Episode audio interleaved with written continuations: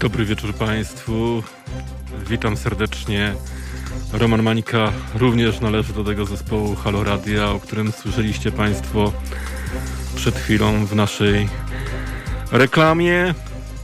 Jak co tydzień, wtorek, 24 listopada, o ile się nie mylę, chyba nic nie pomyliłem, tak, 24, chłopaki mi pokazują tutaj, że wszystko jest ok, trzymamy rękę na pulsie, a więc 24 listopada 2020 roku, jesień, za oknami pogoda. Pewnie w normalnej sytuacji wychodzilibyśmy na spacery, do restauracji, do klubów, na spotkania, żeby krzewić życie towarzyskie. Niestety pandemia koronawirusa spowodowała, że stosunki, relacje społeczne zostały zamrożone i trochę nam smutno, że tak się, proszę Państwa, dzieje. Ale macie nas, macie Halo Radio, macie ludzi, którzy chcą z Wami wybyć, chcą dla Was mówić, chcą dyskutować, omawiać trudne, głębokie, ambitne tematy, bo taka jest ta audycja właśnie, którą mam przyjemność prowadzić już od kilku miesięcy, od 4 sierpnia. Tu właśnie rozmawiamy o głębokich tematach, o procesach, wydarzeniach, zjawiskach, o których się na co dzień nie rozmawia. Tak więc cieszę się, że mogę być dzisiaj z Państwem i że mam nadzieję mogę umilać Państwu czas. Pisze do nas pan Jerzy ze Zgierzy. Pozdrawiam pana Romana jak co wtorek. No ja również jak co wtorek serdecznie pozdrawiam. Filip Kłodawski, stały słuchacz naszej audycji również jest razem z nami. O Filipie Kłodawskim jeszcze dzisiaj kilka słów e, zamienimy. Jest pana, de, pani Danuta Busek, zawsze mi się kojarzy z premierem Buskiem, którego znałem, działałem wtedy, można powiedzieć, w polityce po drugiej stronie. Nie tutaj, gdzie są dziennikarze, tylko tam, gdzie są politycy. I miałem okazję te mechanizmy polityczne, różne zjawiska obserwować. Z pani Teresa Czarnecka pisze również do mnie mm, pani Danuta, o której już wspominałem, Busek. Jest mi bardzo miło, że państwo wszyscy z nami jesteście. I tak jak powiedziałem, pani Busek kojarzy mi się z premierem Buskiem, z którym miałem okazję siedzieć przy jednym stole, rozmawiać, brać udział w e, naradach, bo wtedy nigdy tego nie ukrywałem, zaliczałem się do liberalnej e, strony akcji wyborczej Solidarność i, i stanowiłem mm, aktyw tej partii. Wiele właśnie ciekawych takich doświadczeń, które zebrałem w życiu e, z polityki bo wielokrotnie oprócz tego, że no, no, staram się poszerzać wiedzę socjologiczną, politologiczną, zajmuję się filozofią polityki i socjologią polityki, to wiele rzeczy znam z autopsji, mogę powiedzieć, że właśnie z tej działalności typowo politycznej w strukturach partyjnych, z pracy w kancelarii Sejmu, w strukturach kancelarii Sejmu, w biurze poselskim. Tak więc wiem, na czym polega praca posłów i jak to w polityce wygląda ale to pozwoliłem sobie na taką dygresję przy okazji właśnie pani Danuty Busek, którą serdecznie pozdrawiam. Karel Smetana zgłosił się też do nas. Dobry wieczór filozoficzny.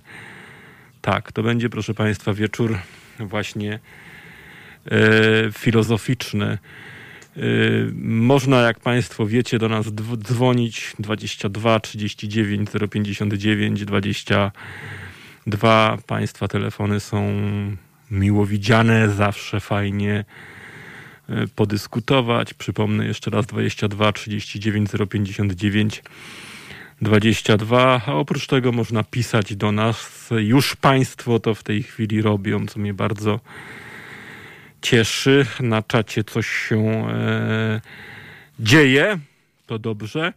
E, można pisać na teraz e, małpa halo radio.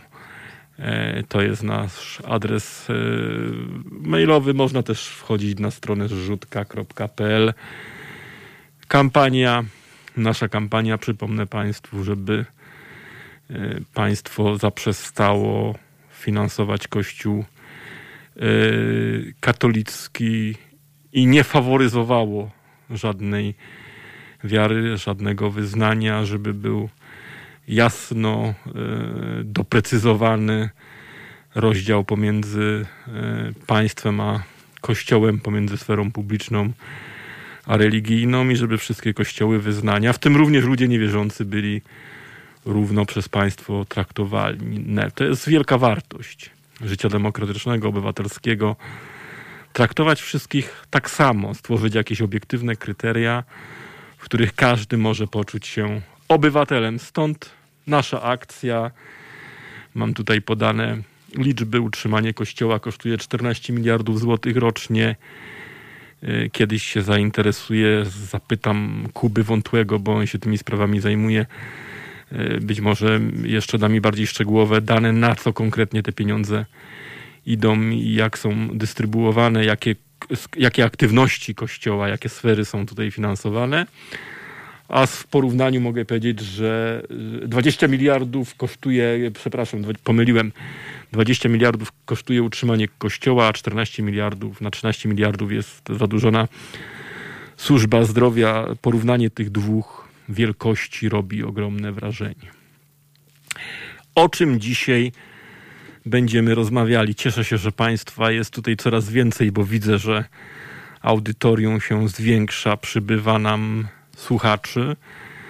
Z góry chcę podziękować za to, że Państwo chcą nas słuchać, moje koleżanki, moich kolegów e, i mnie.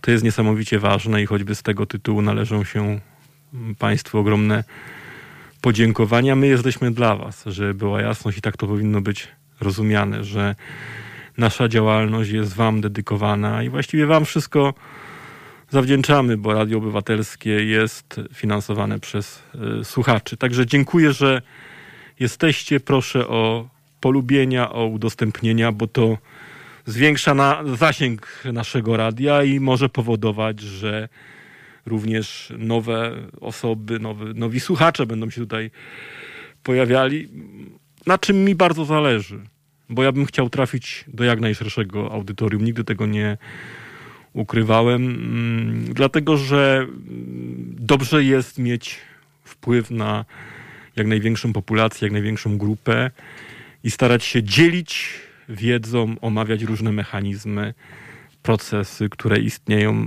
w polskiej i nie tylko w polskiej polityce. A więc, proszę Państwa, dzisiaj omawiamy kolejny trudny, od razu uprzedzę, ale tu wszystkie tematy są trudne. Głęboki, e, skomplikowany temat, e, jakim jest McDonaldyzacja.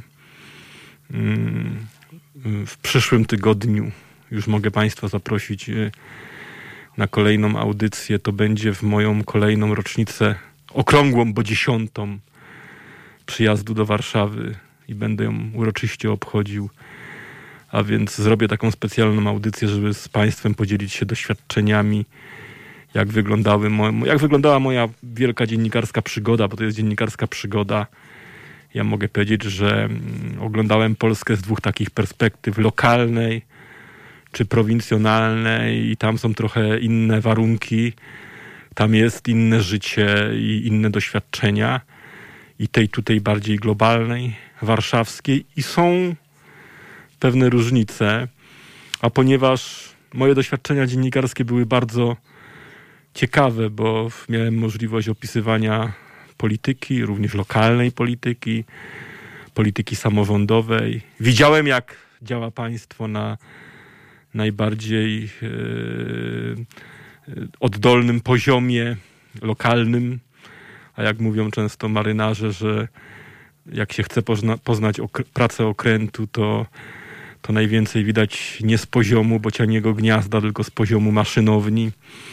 A więc ja można powiedzieć, że to polskie państwo oglądałem z poziomu maszynowni, widziałem jak funkcjonuje.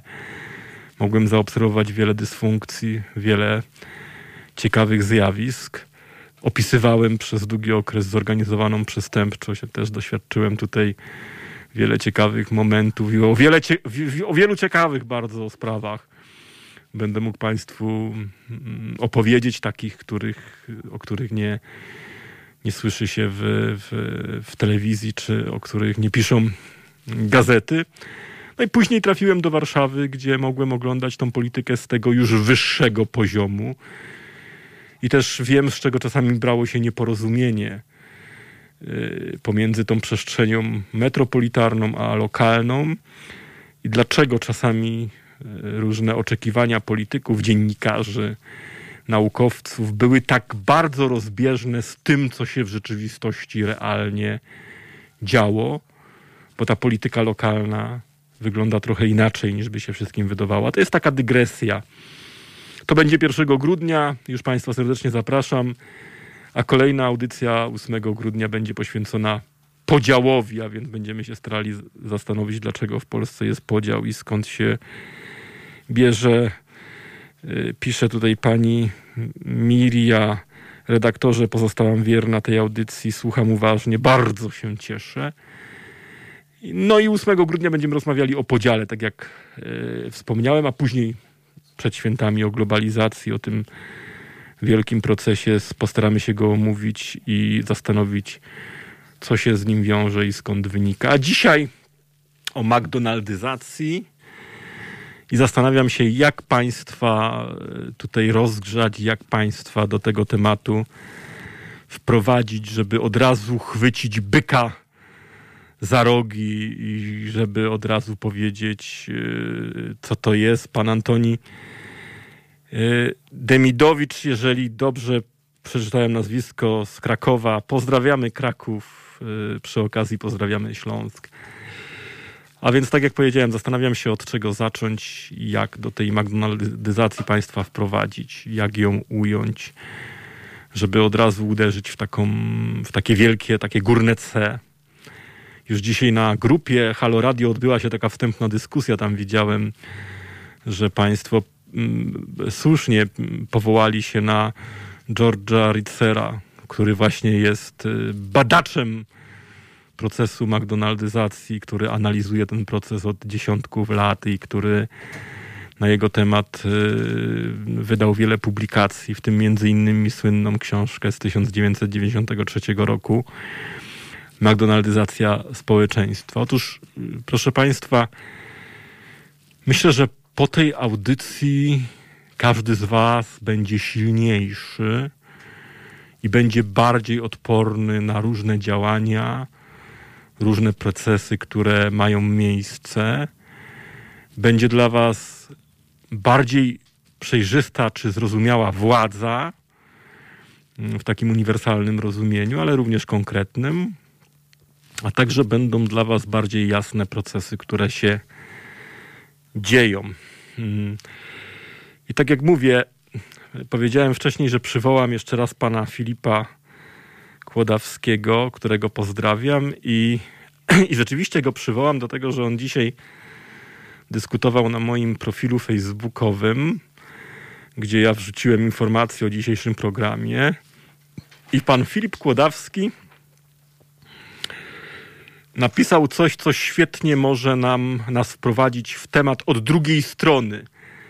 Czyli nie od tej, którą zajmuje się George Ritzer, bo on McDonaldyzację analizuje bardziej od e, sfery e, konsumpcji, galerii handlowych, zakupów, jak sama nazwa wskazuje, restauracji szybkiej obsługi e, McDonald's, chociaż jego analizy są wszechstronne. Natomiast to, co napisał pan Kłodawski, pozwoli nam wejść w McDonaldyzację od innej strony. I właśnie pan Filip, nawiązując do mojej wypowiedzi ze wcześniejszych audycji, kiedy byłem jeszcze gościem u pani e, Beaty Kawki, którą również serdecznie e, pozdrawiamy, e, napisał coś takiego, że kiedyś mówiłem powołał się na moją wypowiedź, że zwiększenie frekwencji nie musi być dobrym procesem dla demokracji i nie musi być dobrym procesem dla jakości wyboru elity politycznej, jakości wykreowania nowej władzy, nowego rządu, że wręcz przeciwnie, może być złym procesem, bo wszystko zależy od poziomu świadomości, obywatelskości, wykształcenia społeczeństwa. I to nam świetnie pokazuje McDonaldyzację w polityce. Wydawałoby się, że mm, do tej pory mieliśmy taką sytuację w Polsce, że odwoływano się do czynnika ilościowego, a więc apelowano: idźcie na wybory. Czym więcej osób pójdzie na wybory, tym lepiej. Czym większa frekwencja, tym będzie lepiej dla demokracji, tym będzie nam się lepiej żyło. Otóż, proszę Państwa, to jest bardzo kontrowersyjna teza. I czasami właśnie, jeżeli natrafia to na e, źle przygotowaną demokrację, albo nierozwiniętą, albo na społeczeństwo mm, nieświadome, ze słabym poczuciem obywatelskości, to takie zwiększenie frekwencji, czyli zwiększenie udziału w wyborach, jest typową McDonaldyzacją w polityce. A więc zwiększa się masa, zwiększa się ilość uczestników, czyli ten czynnik ilościowy, który charakteryzuje McDonaldyzację, występuje bardzo wyraźnie, jest podniesiony, ten parametr wyraźnie wędruje w górę, ale to nie oznacza, że jakość polityki jest lepsza, że jakość życia politycznego jest lepsza, że wybór jest lepszy, że dokonujemy bardziej wartościowej selekcji elit. Czasami jest wręcz przeciwnie, że czym większa frekwencja, tym gorsza jakość wyboru. Tym wybieramy gorszą elitę. Tym e, wybieramy gorszych polityków. To dzieje się tak dlatego, że masy jest dużo bardziej, dużo łatwiej zmanipulować. Wyborcę masowego można uwieść, tak jak dziewczynę się czasami uwodzi, różnymi sztuczkami, różnymi obietnicami, prezenta, prezentami, pozorowanymi działaniami. Dużo lepsza sytuacja jest wtedy, kiedy do wyborów idą ludzie świadomi. Idzie ich mniej, idą ci, którzy znają się na polityce, którzy interesują się polityką, którzy są zaangażowani, ale dokonują świadomego, dobrego wyboru. U nas, e, akurat w Polsce w ostatnich latach, w latach 2015, 2019, 2020, we wszystkich tych latach frekwencja w stosunku do poprzednich elekcji, czy to parlamentarnych, czy prezydenckich, zwiększyła się. One odbywały się, te wybory, przy wyższej frekwencji. Ale czy uważacie Państwo, że wybór był lepszy? Czy uważacie, że obecna elita to jest dobra elita? Czy z, z, tej, z tej wyższej frekwencji coś wynikało? Czy, czy, czy wzięły się dobre rzeczy? Czy dzisiaj możemy cieszyć się owocami tych elekcji? Ja to, ja to rzucam do wszystkich tych mądrali, że ich tak nazwę. A oni siedzą w różnych miejscach, w Gazecie Wyborczej, w Radiu TOG FM, w TVN-ie, róż na różnych uniwersytetach, którzy przez całe lata mówili frekwencja, frekwencja, frekwencja. Narzekali na niską frekwencję. Okazało się, że, że, że, że w Polsce wyższa frekwencja doprowadziła do dramatu, doprowadziła do nie, łamania prawa, bezprawia, łamania konstytucji, rządów populistycznych, psucia instytucji, psucia debaty publicznej, dewastowania kultury debaty publicznej. ta wysoka, ta wyższa frekwencja w niczym nam nie pomogła. Dlatego właśnie, że jak pisał Jose Ortega Gasset, polecam Państwu, bunt mas, przez masy można społeczeństwem rządzić, masami można manipulować, ale masy nie są w stanie, jeżeli nie są odpowiednio przygotowane, jeżeli nie są świadome, nie są w stanie wykreować żadnej wartościowej myśli i żadnych twórczych projektów. Gasset, Ortega Gasset pokładał nadzieję w mniejszości, w elicie i że to ona będzie właśnie w stanie wykreować różne ciekawe, dobre projekty dla Hiszpanii.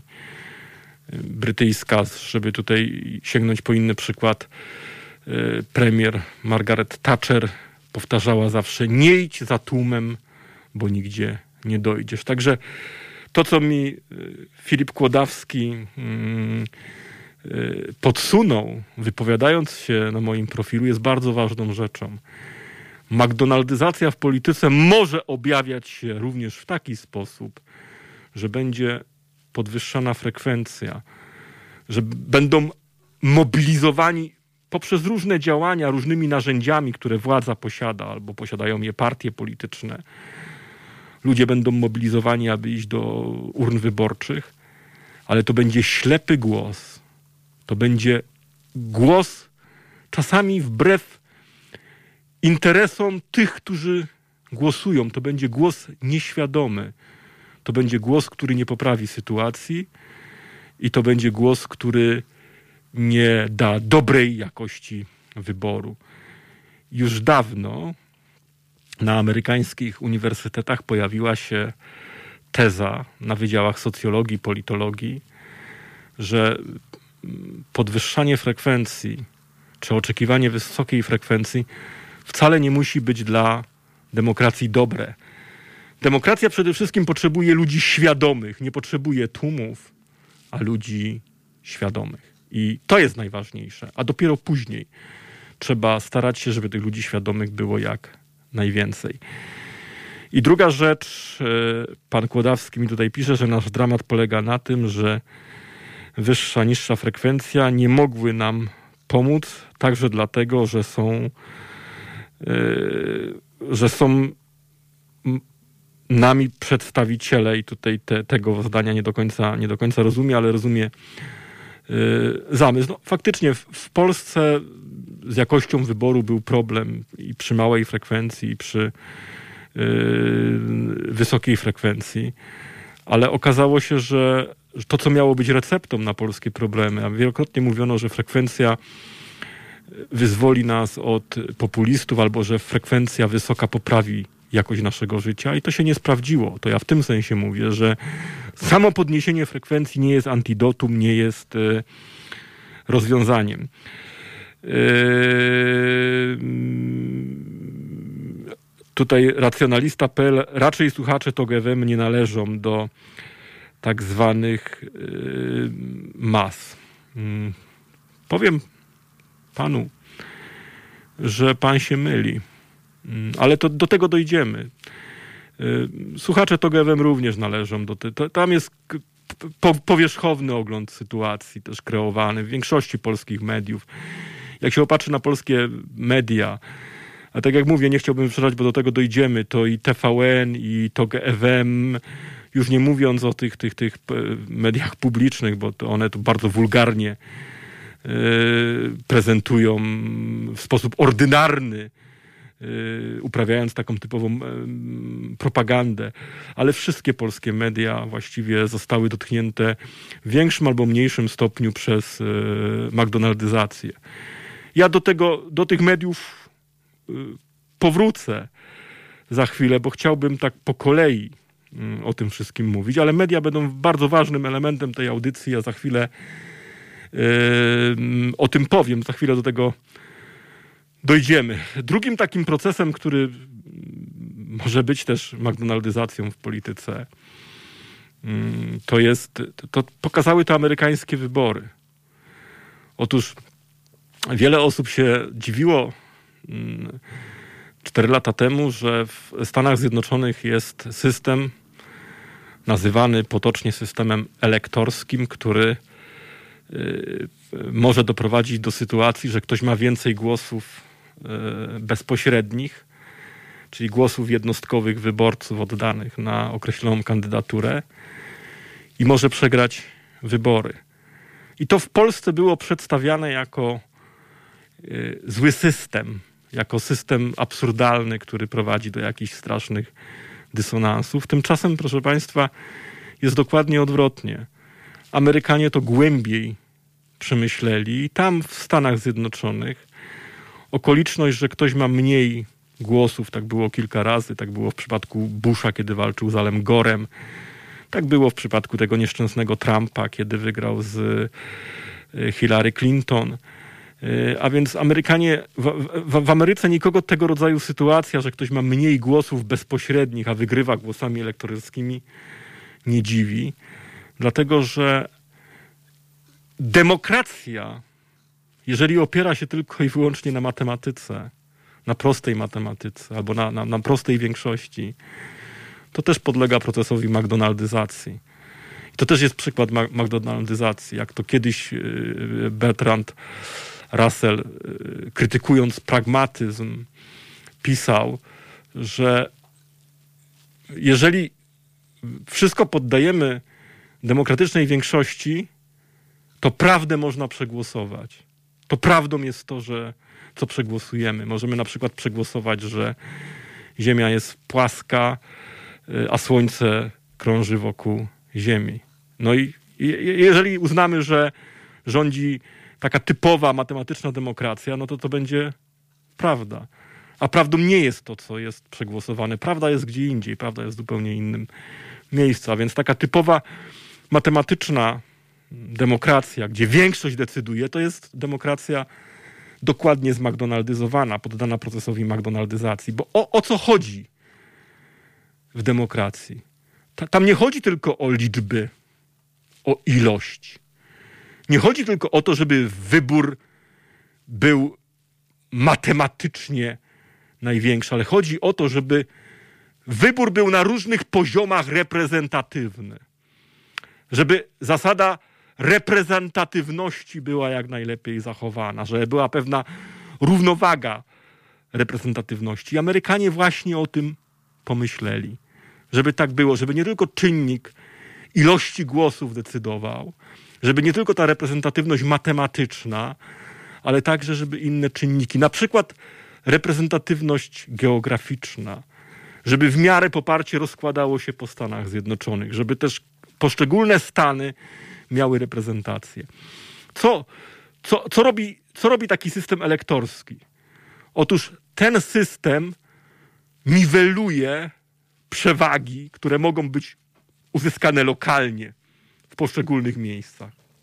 Gdyby na przykład w Ameryce nie było systemu elektorskiego, tylko taki typowy system większościowy, no to właściwie głosy w kilku stanach mogłyby spowodować, że w Nowym Jorku, San Francisco, Chicago, w tych największych metropoliach, że ktoś wygrałby wybory, mimo że w reszcie kraju by te wybory yy, przegrał.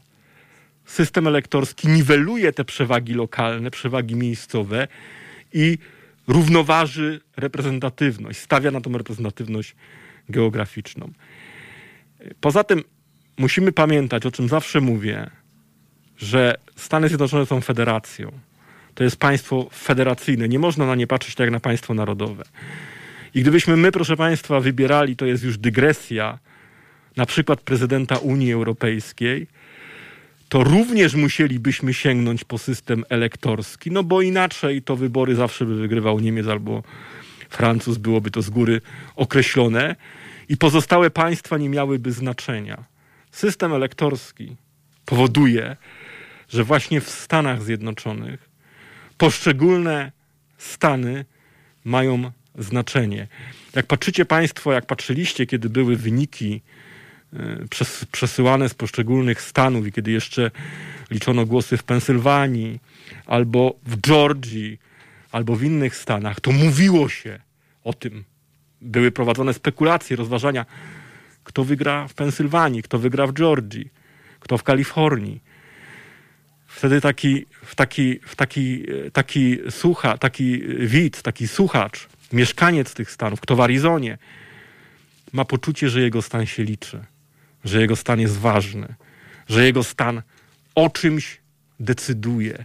Tak więc oprócz takiej matematycznej demokracji ważna jest również ta reprezentatywność terytorialna, geograficzna. Mamy telefon, za chwilę dopuścimy, yy, proszę Państwa, naszego słuchacza, ale pamiętacie sytuację z niedawnych wyborów w Polsce, kiedy chyba Rafał Trzaskowski yy, wygrał w dziesięciu województwach, w dziesięciu albo jedenastu, Andrzej Duda tylko w sześciu albo pięciu i prezydentem jest Andrzej Duda, bo miał więcej głosów, bo bardzo mocno wygrał na Podkarpaciu. Właściwie to zdecydowało, że w tym jednym miejscu, w tym mm, jednym województwie zdobył ogromną przewagę nad Rafałem Trzaskowskim. Ale jak popatrzymy na to geograficznie, terytorialnie, to w większości województw wygrał Rafał Trzaskowski. Teraz, czy to jest wynik, który oddaje preferencje Polaków? Już pomijając te wszystkie oszustwa, które miały miejsce tam po drodze i ten nierówny dostęp do mediów i tak dalej. Czy to jest wybór sprawiedliwy? Czy to jest wybór, który reprezentuje preferencje wszystkich Polaków? Proszę zwrócić uwagę. Jeżeli chodzi o grupy wiekowe na przykład. Andrzej Duda wygrał tylko w jednej grupie wiekowej wśród osób najstarszych, wśród emerytów, wśród seniorów. Ja ich nie lekceważę. Dziękuję za to, że byli w wyborach. Nie zamierzam w jakikolwiek sposób ich tutaj, ich głosu lekceważyć. Ale fakt jest taki, że Andrzej Duda wygrał w jednej najstarszej grupie seniorów, a we wszystkich pozostałych wygrał Rafał Trzaskowski. Czyli jak tu ta reprezentatywność wygląda poparcia? No, w, taką interpokoleniową, transpokoleniową reprezentatywność zdobył Rafał Trzaskowski. Jego poparcie się lepiej rozkładało i geograficznie, i pokoleniowo, ale wybory przegrał. Jaka jest tu konkluzja tych, tych dwóch punktów, które omówiłem? Że nie zawsze prosta matematyka jest decydująca. W demokracji trzeba zważyć wiele czynników, wiele parametrów, żeby uzyskać dobry jakościowo wybór. Jeżeli postawimy na ilość, tylko na ilość, no to to będzie typowa McDonaldyzacja w polityce. To to będzie typowa zMcDonaldyzowana polityka. Tak samo jak inne dziedziny życia, o których za chwilę będziemy mówili, bo jeszcze o polityce powiemy, ale w tej chwili mamy gościa, więc nie będę go tutaj zbyt długo trzymał. Serdecznie witam. Kogo słyszę? Halo? E, dobry wieczór, Jacek z Nowego Jorku. Dzwoni taka szybka wkrętka na temat wyborów. Tak, witam pana serdecznie. Chciałem. Jaka pogoda w Nowym Jorku? Z panem. Średnio najeżdża, ale da się żyć jeszcze. To dobrze. Do czego zmierzam? Od 2004 roku republikanie nie wygrali w wyborach prezydenckich głosowania w głosach ogólnie, tak. jak to się mówi, tych nie elektorskich, tylko zwykłych. Mhm. Od wielu, wielu lat wszystko, żeby to się nie zmieniło. Trzymają się y, tego elektorskiego głosowania bardzo, bardzo skostniałego systemu, jakby tam w historii się zagłębić, więc to wszystko było skoncentrowane na tych wszystkich pierwszych tam y, stanach, ale nie, nie, nie o to mi się rozchodzi. Po prostu robią wszystko, żeby się tego trzymać, bo to jest, to jest ich ostatnia deska ratunku. Y, coraz więcej osób przestali głosować na partię republikańską. I na przykład y, przykładem, y, y, pan mówił o matematyce, no to ja dam taki przykład, że za wszelką cenę chcieli nie dokończyć liczenia ogólnonarodowego tutaj mieszkańców. Dlaczego? Bo no jeżeli liczba by była duża, no to się dostaje plus minus więcej polityków i jeżeli jest na przykład niedokończony, to jest niepełna liczba, więc można zabrać tych polityków. Więc to są, to są straszne machlojki ze strony tutaj republikanów i właśnie ta matematyka jest bardzo ważna. Dlaczego nie chcą przeprowadzić różnych reform emigracyjnych i, i tego typu? Yy, dlaczego? No bo wiele osób, które by zostało obywatelami Stanów Zjednoczonych, będą głosować na demokratów. Więc automatycznie zwiększa się liczba jeszcze głosów oddanych w ogólnonarodowych wyborach, a nie w systemie tym starym, skostniałym systemie głosów elektorów. Więc trzymają się i tak jak powtarzam, nie mogą wygrać i nie będą wygrywać. Proszę pana. Bo jest inne pokolenie rośnie. Ja panu powiem coś takiego. Y, pan przedstawił pewien odcinek y, historyczny mm, Stanów Zjednoczonych. Tylko ja panu powiem taką rzecz. Ja, ja znam wybory w Stanach Zjednoczonych i znam historię Stanów Zjednoczonych. Powiem panu, że ja też znam, bo mieszkam 32 lat. Ja nie lat. kwestionuję, proszę pana, ani tego, że pan zna, ani tego, że pan mieszka i ma pan zapewne doświadczenia. Ale pan powiedział coś takiego. Czyli bo, bo z pana wypowiedzi wynika, że pewne procesy są niezmienne. Otóż w politologii nie ma pojęcia stabilizacji. Politologii jest pojęcie tempa destabilizacji. Znaczy to, co jest w polityce, to destabilizacja, tylko pytanie, jak szybko ona przebiega. I teraz powiem panu tak to nie jest tak, że demokraci będą zawsze wygrywać, republikanie będą zawsze przegrywać, również jeżeli chodzi o, tą większ- o, to, o, o te głosy bezpośrednie. Bo gdybyśmy się cofnęli do tyłu, proszę pana, w erze Reagana, republikanie wygrywali zdecydowanie. Również w miejscach, w których dzisiaj wygrywają demokraci. Na przykład Reagan wygrywał w Kalifornii, bo stamtąd pochodził poniekąd, ale to nie tylko to grało rolę. Również Nixon jak pan by popatrzył na wybory, kiedy startował Nixon, kiedy wygrywał Nixon, to on wygrywał dokładnie w tych stanach, w których wy, wygrywają dzisiaj demokraci. Co jest ważne? To, to, to nie jest tak, że, że to trwa.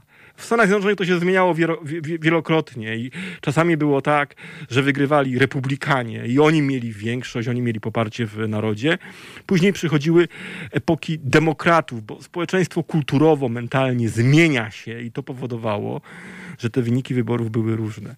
Ale to, co jest ważne, to fakt, bo wie pan, gdybyśmy mieli na przykład wyobrazić sobie sytuację w Polsce, wyobraźmy sobie taką sytuację, że w Warszawie mieszka 25 milionów ludzi, a w Polsce jest 30 milionów wyborców. Wyobraźmy sobie taką sytuację. I powiedzmy, że wygrywa wybory Robert Biedroń i Lewica.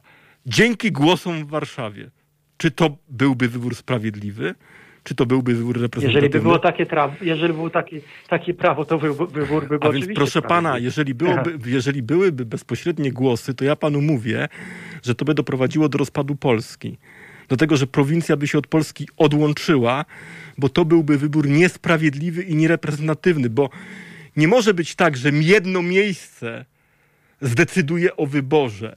Dlatego, że proszę pana, w Nowym Jorku, w San Francisco, no w Los tak, no Angeles Florida, mamy, Florida mamy pod, ale ona zadecydowała w połączeniu z innymi stanami.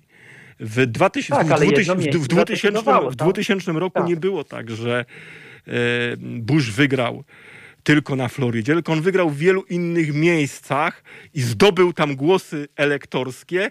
I te głosy z Florydy to były właśnie te głosy, które brakowały, prawda? Ale nie można powiedzieć, że on wygrał tak, tylko dzięki... Można, można powiedzieć, że wygrał w jednym miejscu, że... Nie, tak, nie można powiedzieć, dlatego, że...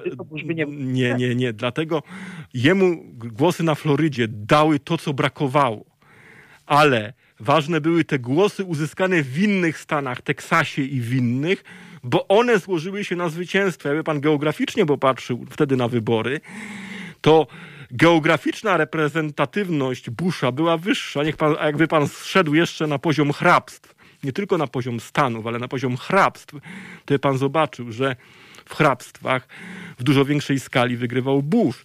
W 2015 roku ten wynik wyborów, on też był bardzo taki dwuznaczny, bo wygrała Clinton w ramach całych Stanów Zjednoczonych. Ja tego nie kwestionuję, ale geograficznie to poparcie rozkładało się korzystniej dla Trumpa, a już na poziomie hrabstw to Trump wygrywał yy, dużo bardziej, więcej hrabstw go poparło. Tak więc musi być ten czynnik reprezentatywności geograficznej, nie tylko politycznej, bo mówię, może dochodzi do, takiej, do takich anomalii. To dobrze na przykładzie polskim wytłumaczyć, że w Warszawie będzie mieszkało 25 milionów. To jest oczywiście teoretyczny przypadek, że będzie, ale, ale w niektórych krajach takie sytuacje są, gdzie są tak zwane metropolie. Że w Warszawie będzie mieszkało 25 milionów mieszkańców i sposób myślenia mentalnie, kulturowo jest mniej więcej taki sam on determinuje ten sam sposób myślenia. Kultura determinuje pewne zachowania, pewne postawy, pewne wybory. I wtedy jedno miejsce zdecyduje o wyborze w całym kraju. A więc to jest też przykład McDonaldyzacji. Oczywiście ja nie mówię, żeby matematyka nie, nie, nie odgrywała jakiejkolwiek wagi, tylko żeby równoważyć system, żeby wybór był wypadkową różnych czynników, także ilości, ale nie tylko. Chodzi o to, żeby rozważyć również inne elementy, inne ważne czynniki, inne kryteria. Chodzi o równowagę, o równowagę reprezentatywności. W demokracji jest dobry wybór wtedy, kiedy jest reprezentatywny. Ale dziękujemy panu za ten głos bardzo serdecznie i pozdrawiamy. Mamy już kolejnego słuchacza, tak więc yy, zapraszamy. Prosimy o wypowiedź. Halo. Halo, dzień dobry. Dzień dobry. Kogo witamy? Dawida. Pozdrawiamy tak. Dawida. Tak, ja też pana pozdrawiam. Dziękuję e, bardzo. Chciałbym e, poruszyć taki temat związany z, z, tym, co się teraz dzieje, bo pan tutaj porusza tematy bardziej związane z demokracją, to jak demokracja funkcjonuje. Tak. No, ab, trochę abstrakcyjne w zasadzie też, chociaż, chociaż myślę, że za pomocą... Ale głębokie nowocze... Myślę, że za pomocą jakichś nowoczesnych metod da się to, co pan mówi, udowodnić po prostu na liczbach. W tak, dużym tak, stopniu, tak, więc... tak. E, ale ja chciałem co innego poruszyć. E, Proszę bardzo w związku, z, e, w związku z tym, co teraz się dzieje i z tym, że najprawdopodobniej będzie kryzys, e, upadnie bardzo wiele firm w Polsce i, i w ogóle na świecie. I można odnieść takie wrażenie, a to już się działo przed, e, przed, przed, przed pandemią, że następuje takie trochę zjawisko, że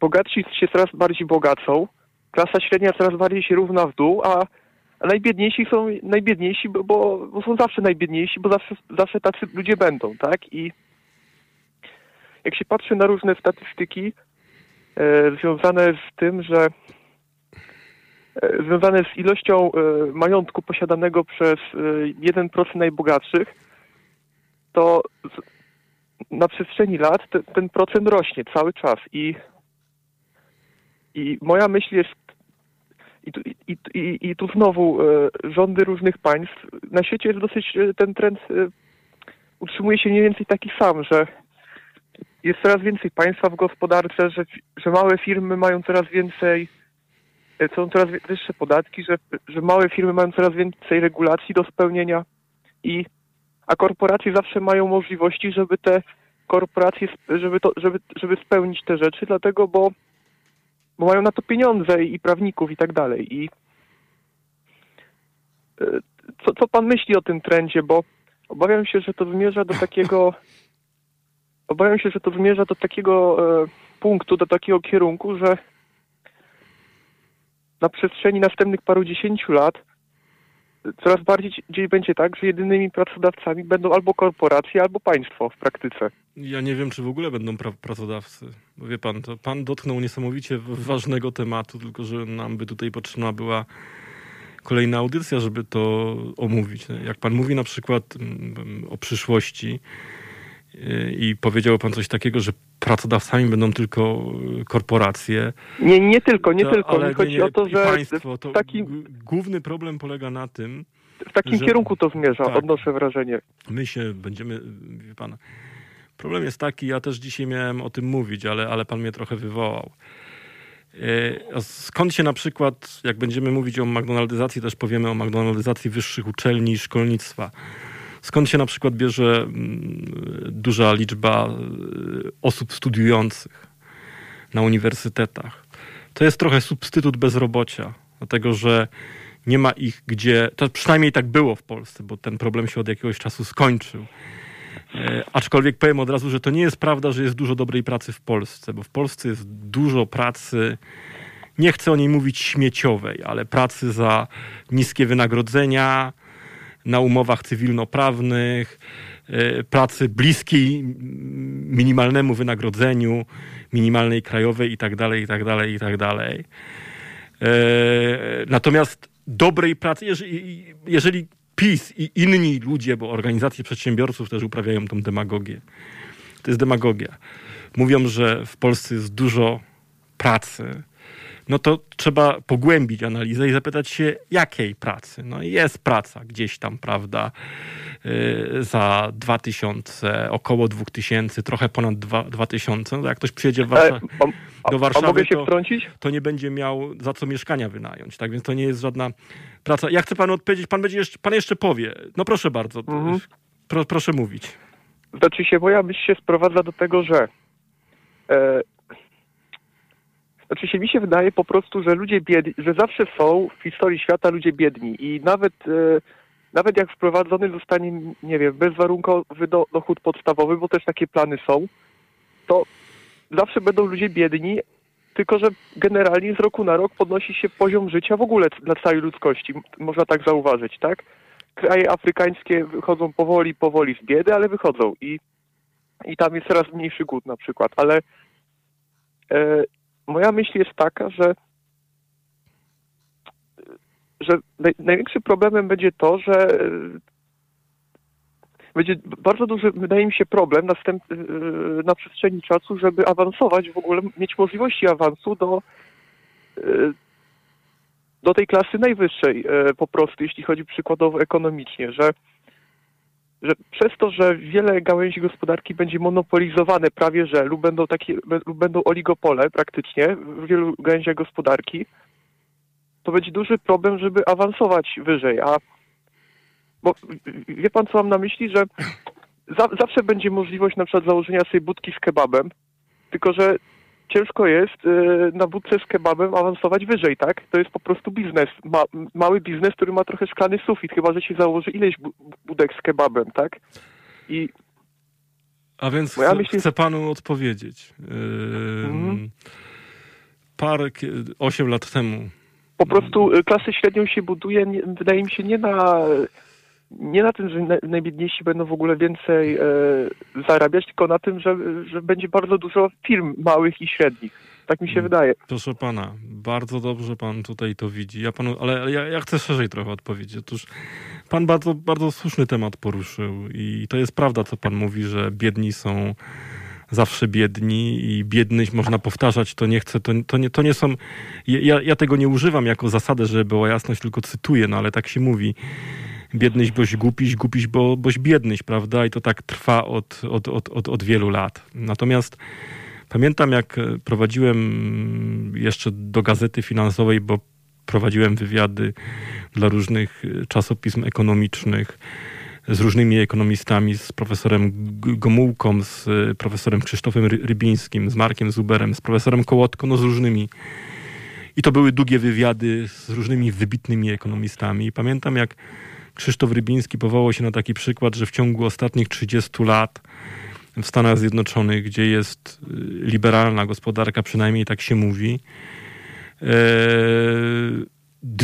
redystrybucja, czyli zmniejszanie się dystansów pomiędzy klasami e, najbiedniejszymi w stosunku do biedniejszych, nie ruszyły się nawet o krok. Mimo, że mówi się, że jest gospodarka, kapitalizm się rozwija, że w Stanach Zjednoczonych był wzrost gospodarczy, to wszystko to, co było wzrostem, do tego się sprowadzał cały problem, że wszystko to, co wypracowano w gospodarce, cały ten wzrost był spijany przez najbogatsze klasy, to, że one się bogaciły, one były beneficjentami wzrostu gospodarczego i rozwoju gospodarczego, a klasy y, biedniejsze właściwie nie otrzymywały y, nic, ich sytuacja nie zmieniała się na lepszą. Teraz, jeżeli dotkniemy do przykładu, dojdziemy do przykładu y, polskiego, no to proszę pana, przecież u nas pewne rzeczy były używane czysto propagandowo ja mogę wskazać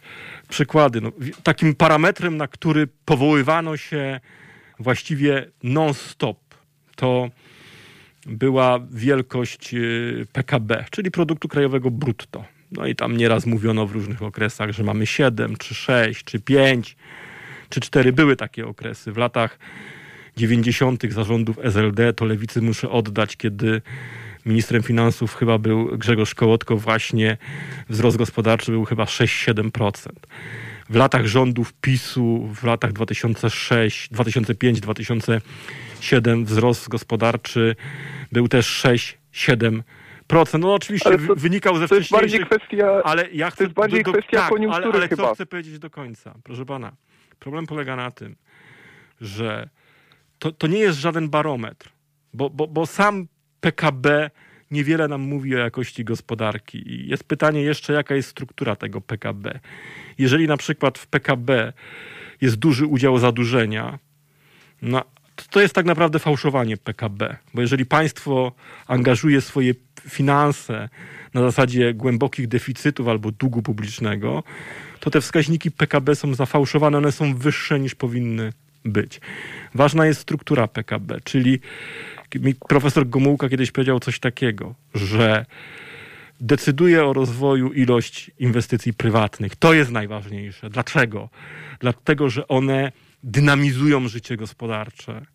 A żeby były inwestycje prywatne, to mus, musi być dobre prawo, elastyczne e, prawo, musi być odciążona gospodarka, muszą być niskie podatki, musi być wiele zachęt. E, muszą być, że tak powiem, karencje, jeżeli chodzi o odprowadzenie składek ZUS-owskich i podatków i tak dalej, i tak dalej.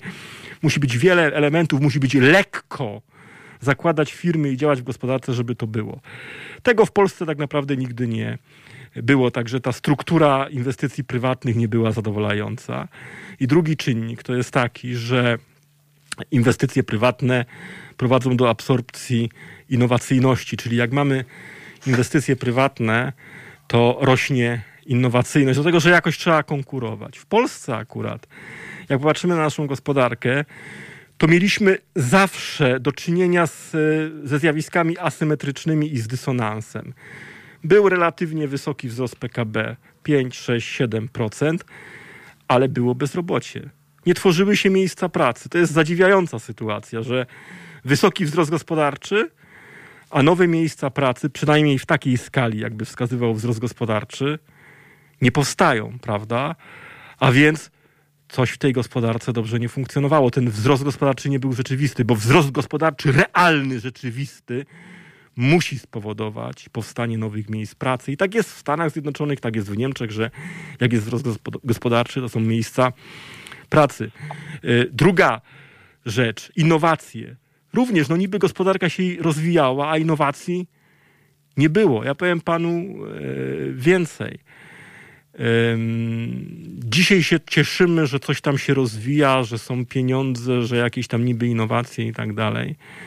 Nasza gospodarka, chwalona tak bardzo, w okresie ostatnich 30 lat rozwijała się dzięki dwóm czynnikom tylko. Po pierwsze, niskie koszty pracy.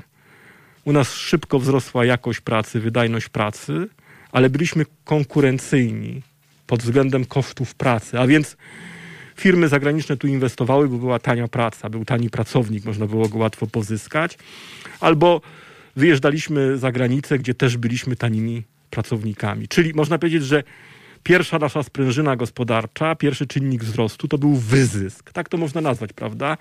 A więc my żeśmy się rozwijali dzięki wyzyskowi. I drugi czynnik, który pojawił się po roku 2004, kiedy żeśmy weszli do Unii Europejskiej, to była pomoc europejska. My się dzisiaj rozwijamy, ale dzięki pomocy europejskiej.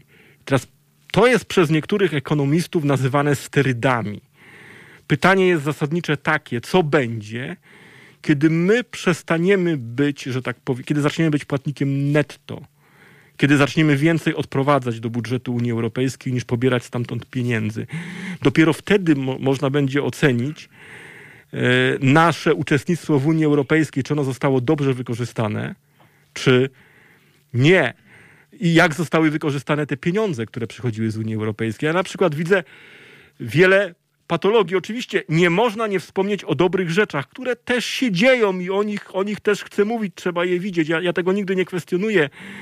Jestem, mogę powiedzieć, że euroentuzjastą. Unia Europejska dla Polski była wielkim wydarzeniem, dobrodziejstwem. Daje nam wiele rzeczy, nie tylko y, ekonomicznych, ale również bezpieczeństwo. Ja jestem za większym wejściem, głębszym wejściem do Unii Europejskiej. Ale trzeba widzieć również patologie przy, przy, przy tej okazji, które się dzieją. Na przykład wiele transferów, które jest dokonywane, ma charakter korupcyjny. To nie jest tak, że wszędzie wszystko jest uczciwe.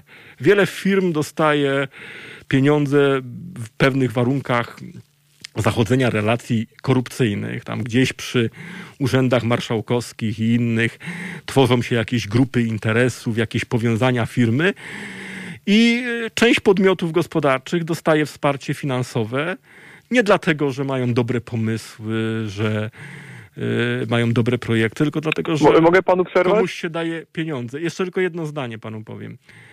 Y, to, to jest pytanie o to, czy my będziemy konkurencyjni bez tych pieniędzy europejskich. Znaczy, może nastąpić pewien paradoks, że firmy, które dzisiaj świetnie funkcjonują, korzystają z zaszczyku pieniędzy, trochę też w warunkach pewnych relacji korupcyjnych i kiedy pieniądze się skończą, one mogą w warunkach czystej, typowej konkurencji sobie nie poradzić. Proszę bardzo.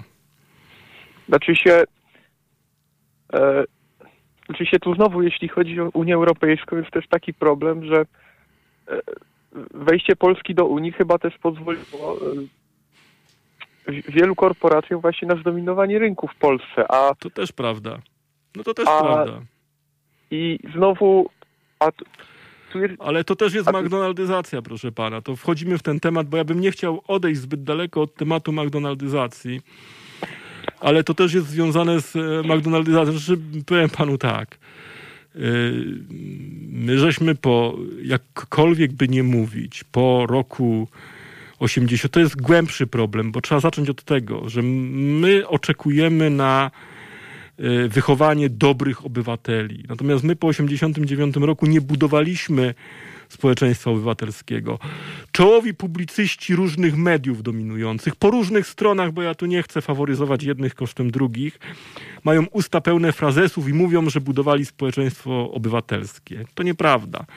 Oni budowali społeczeństwo konsumpcyjne, znaczy yy, konsumpcja, yy, reklama, yy, była ważniejsza od obywatelskiej treści. Na ludzi patrzono jak na konsumentów, nie tylko w gospodarce. W gospodarce konsument jest potrzebny.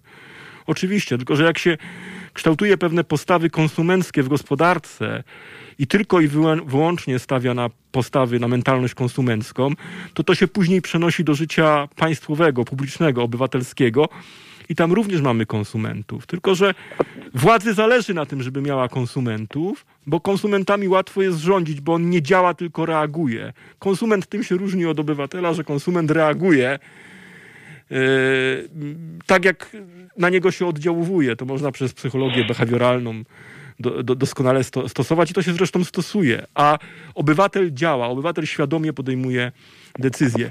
To, to, to, ja jeszcze panu przerwę i, i, już się będę rozłączał. E, e, więc to, znaczy się, to jest jeszcze taka kwestia, że okay. właściwie w jaki sposób pan przewiduje e, to w, jaki, w jakim kierunku będzie świat szedł pod tym względem tym bardziej ekonomicznym i ja przewiduję, ja, ja, ja, wie pan, no, to, to jest bardzo dobre pytanie i można na nie spojrzeć z dwóch stron. Po pierwsze, my zakładamy, że po koronawirusie będziemy mieli wielki kryzys i wielką katastrofę. I jak patrzymy z, z, pew, z pewnej perspektywy, to to się wydaje scenariusz bardzo realny, który może mieć e, intelektualne, racjonalne uzasadnienie. Tylko, że ja uważam, że wcale nie musi tak być. I zaraz panu powiem dlaczego. E, znaczy się w ogóle... Przypomnijmy sobie... W ogóle, tylko przerwę panu, te kwestie... E, znaczy się w ogóle wydaje się, że większe tam nawet spadki PKB były przewidywane, a wychodzi na to, że może nie być aż tak źle, ja. O czym, jeszcze o czym innym chcę powiedzieć, proszę pana, bo to pan, mm -hmm. pan mówi o bieżących sprawach, ja tak chcę bardziej historyzoficznie spojrzeć. I mm -hmm. tu mhm. posłużę się analogią. Y, druga wojna światowa była wielką tragedią, katastrofą, zginęły miliony ludzi, były wielkie straty, zniszczenia, ubytki infrastruktury i wydawać by się mogło, że później powinna być katastrofa gospodarcza, a tak nie było. Druga wojna światowa okazała się wielkim impulsem rozwojowym. E, to trochę tak jest, proszę pana i proszę państwa, że kapitalizm żywi się na katastrofach. Kapitalizm świetnie żywi się na kataklizmach.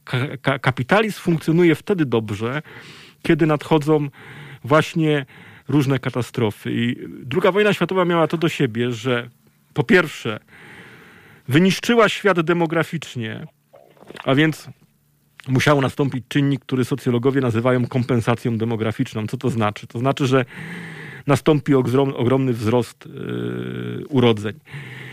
Temat na bardzo długą dyskusję, ale jak się śledzi demografię, to można wiele procesów przewidzieć. Politycznych, gospodarczych, kulturowych itd., itd., itd. I to wyniszczenie demograficzne, które miało w czasie drugiej, miejsce II wojny światowej, no, później spowodowało różne y, bardzo pozytywne procesy. Na przykład w 1968 roku pokolenia urodzone po wojnie były właśnie tymi generacjami, które podejmowały protesty studentów tak, w Paryżu, we Francji a, i w Europie. Tak, tak Ale... było co ciekawe też e, przy okazji epidemii dżumy na przykład. No też proszę pana, podo kiedy, podobne zjawisko było. W, kiedy była katastrofa w, w Japonii jednej z elektrowni, yy, nie pamiętam jak się nazywała, chyba Fujiyama czy coś takiego, może mi ktoś podpowie, to... Chyba Fuji, fu, Fukuyama chyba. Ale... Y, to, y, to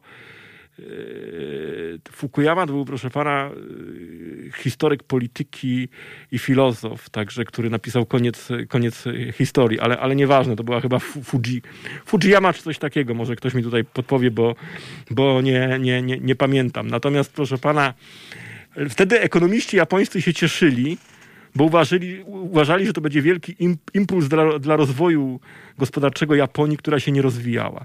Ja chcę tu wrócić do czasów II wojny światowej. Otóż e, ubytki demograficzne przełożyły się później na kompensację demograficzną, na wiele korzystnych procesów w dziedzinie gospodarki, bo były wzrosty, na rewolucję właśnie tą we Francji w roku 68, na którą się często powołujemy, ale również przecież, nie wiem czy pan wie, Leszek Moczulski, właśnie polski demograf i profesor napisał książkę Rewolucja bez rewolucji, w której przewidział E, wydarzenia, które miały miejsce w Polsce, w tym między innymi upadek komunizmu. I nikt wtedy nie wierzył, że ta prognoza Moczulskiego się sprawdzi. Jego wyśmiewano, a on w latach 70., chyba w 79 roku, opisał dokładnie wydarzenia, które później miały miejsce w latach 80. Jak się później zapytano Moczulskiego, skąd on to wiedział, to on analizował demografię. I on się powołał na 13 tak zwanych roczników uderzeniowych, jak je nazwał, które y, urodziły się po II wojnie światowej. Od roku 45 do roku 58. Te roczniki wchodziły w wiek dojrzały właśnie w latach 70. i 80. i były tymi generacjami, tymi pokoleniami, które tworzyły lokomotywę tamtych wydarzeń, które dawały energię. A więc w demografii można było wyczytać procesy, które się później działy w całej Europie, a również w Polsce. Tak więc tutaj to jest ten czynnik demograficzny, kompensacji demograficznej, który wpływał na wydarzenia polityczne i w Europie Zachodniej bardzo pozytywnie na wydarzenia gospodarcze. Ale jest jeszcze inna rzecz. Y, druga wojna światowa spowodowała zniszczenia bardzo wielkie zniszczenia w wielu krajach. Jest teoria Kondratiewa, tak zwanych cykli Kondratiewa, która mówi, że wyniszczenia, w skrócie tak powiem, no bo tutaj nie mam czasu na przedstawienie tej teorii w sposób taki, jakbym chciał, czyli, czyli bardzo akademicki, yy, pełny. Yy, a więc yy, ta teoria mówi, że wyniszczenie infrastruktury powoduje konieczność jej uzupełniania, a więc a uzupełnianie infrastruktury powoduje rozwój gospodarczy, nowe miejsca pracy i wie pan, w Europie po II wojnie światowej do tego dochodził jeszcze plan Marszala, czyli wpompowanie dużych pieniędzy. Jest jeszcze, jest jeszcze taki jeden aspekt y, związany z tym, że już dokładnie nie pamiętam, ale był jakiś e, niemiecki chyba minister, który tam wprowadził bardzo korzystne regulacje dla, nie, dla niemieckiej gospodarki na przykład. To e, był, pan mówi, pan mówi o Echarcie, czyli Ludwik to Eckhart. On był ministrem, e. był w rządzie Willy Brandta. E, przepraszam, w rządzie Adenauera, Konrada Adenauera. I on wprowadził Adenauer... bardzo korzystne, y, trochę jak ta ustawa Wilczka podobno. Ja tak no, dokładnie prowokuje nie... mnie pan do bardzo takiej, bym powiedział, głębokiej dyskusji. Adenauer rządził w latach 45-63. W jego rządzie za gospodarkę odpowiadał właśnie Ludwik Erzhard. Później Erzhard był kanclerzem w latach chyba 63, proszę mnie poprawić, 66 a później przyszedł e, e, Gerard Kissinger, lata 66-69, lata 69-74 przyszedł Willy Brandt, i później przyszedł... Ja tak dokładnie nie znam historii e, tych... Helmut Schmidt to był socjalista, Helmut Kohl i tak dalej. Ale do czego zmierzam, bo to nie jest istotne. Istotne jest to, że we Francji, w Niemczech były bardzo, we Francji chyba były dwucyfrowe wzrosty gospodarcze, z tego co pamiętam.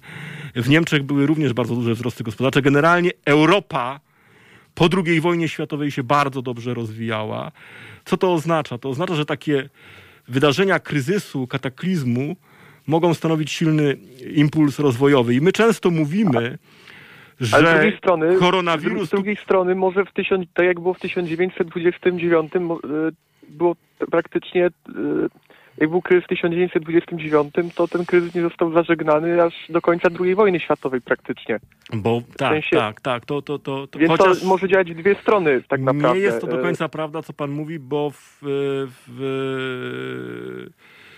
w tutaj piszą, proszę pana, że to nam Dawid uprowadził rozmowę o McDonaldyzacji w kompletnie inne rejony. No tak, to, to prawda, ja będę musiał za chwilę powrócić do tematu. Ale powiem panu jeszcze, że akurat w latach 20., na przełomie lat 20., 30. w Stanach Zjednoczonych po raz pierwszy wprowadzono reformę podatkową. Ona polegała na obniżeniu podatków i się okazało, że jednak uruchomiła y, gospodarkę. Do tego jeszcze wywołała wzrost, y, tak zwany efekt redystrybucyjny.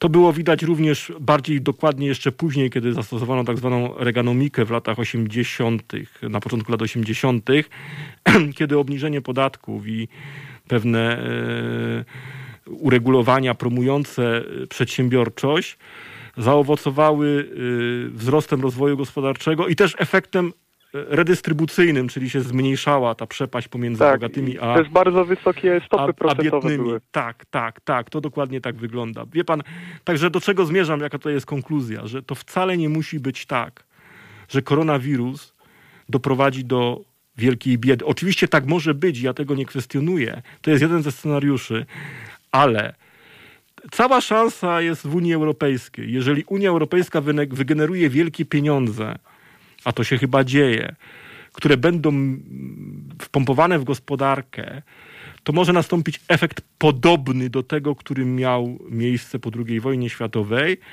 jak gdyby te, mm, te, ten, te, te, ten kataklizm koronawirusa, te deficyty, które powstały w związku z tym, te ubytki, te dysfunkcje mogą zadziałać w gospodarce jako impuls. My musimy pamiętać o jednej rzeczy, że dynamika przyspieszania, jak pan weźmie choćby sam samochód, przykład samochodu, dynamika przyspieszania jest dużo większa z poziomu 20, 30, 40 kilometrów niż z poziomu 150 czy 160. No jeżeli jedziemy 160 na godzinę, to możemy przyspieszyć 40. Jeżeli jedziemy 50 na godzinę, to możemy przyspieszyć 100.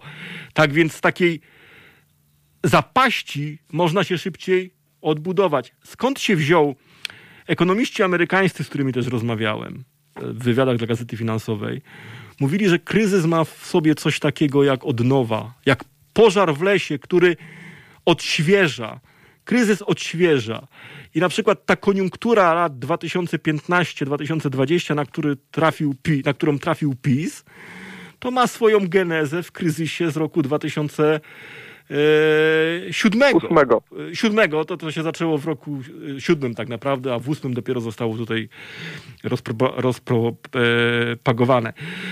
Tak więc, no, proszę pana, muszę panu podziękować, bo musimy zrobić przerwę i powrócić do tematu McDonaldyzacji. Poruszył pan niesamowite, jak tu piszą, ważne tematy. Ukradł pan trochę nam y, dyskusję. Ja powiem, to że...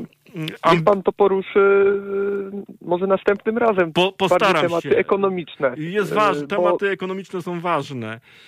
Y, powiem panu. Bo zwykle pan mówi bardziej o tematach demograficznych czy, demokra... czy ja mówię o tematach tak? filozoficznych tak? i one są również ważne. I proszę pana. No, no, ale.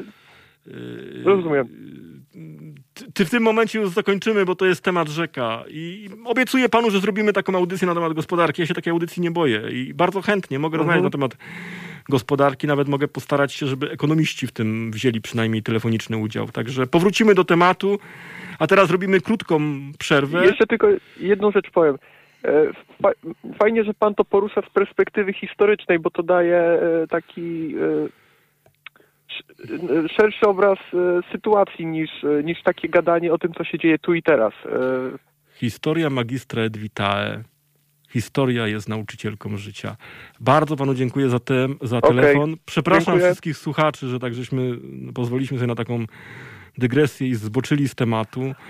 No ale słuchacze są najważniejsi. Jeżeli ktoś zadzwoni, no to ja nie mogę go ograniczać w wypowiedzi i staram się dać prawo do wypowiedzi, żeby każdy słuchacz mógł się wypowiedzieć. Także ja tu nie będę nikogo ograniczał, proszę mi to wybaczyć, ale, ale, ale, ale chcę właśnie słuchaczy dowartościować. Mimo wszystko za odejście od tematu bardzo Państwa przepraszam.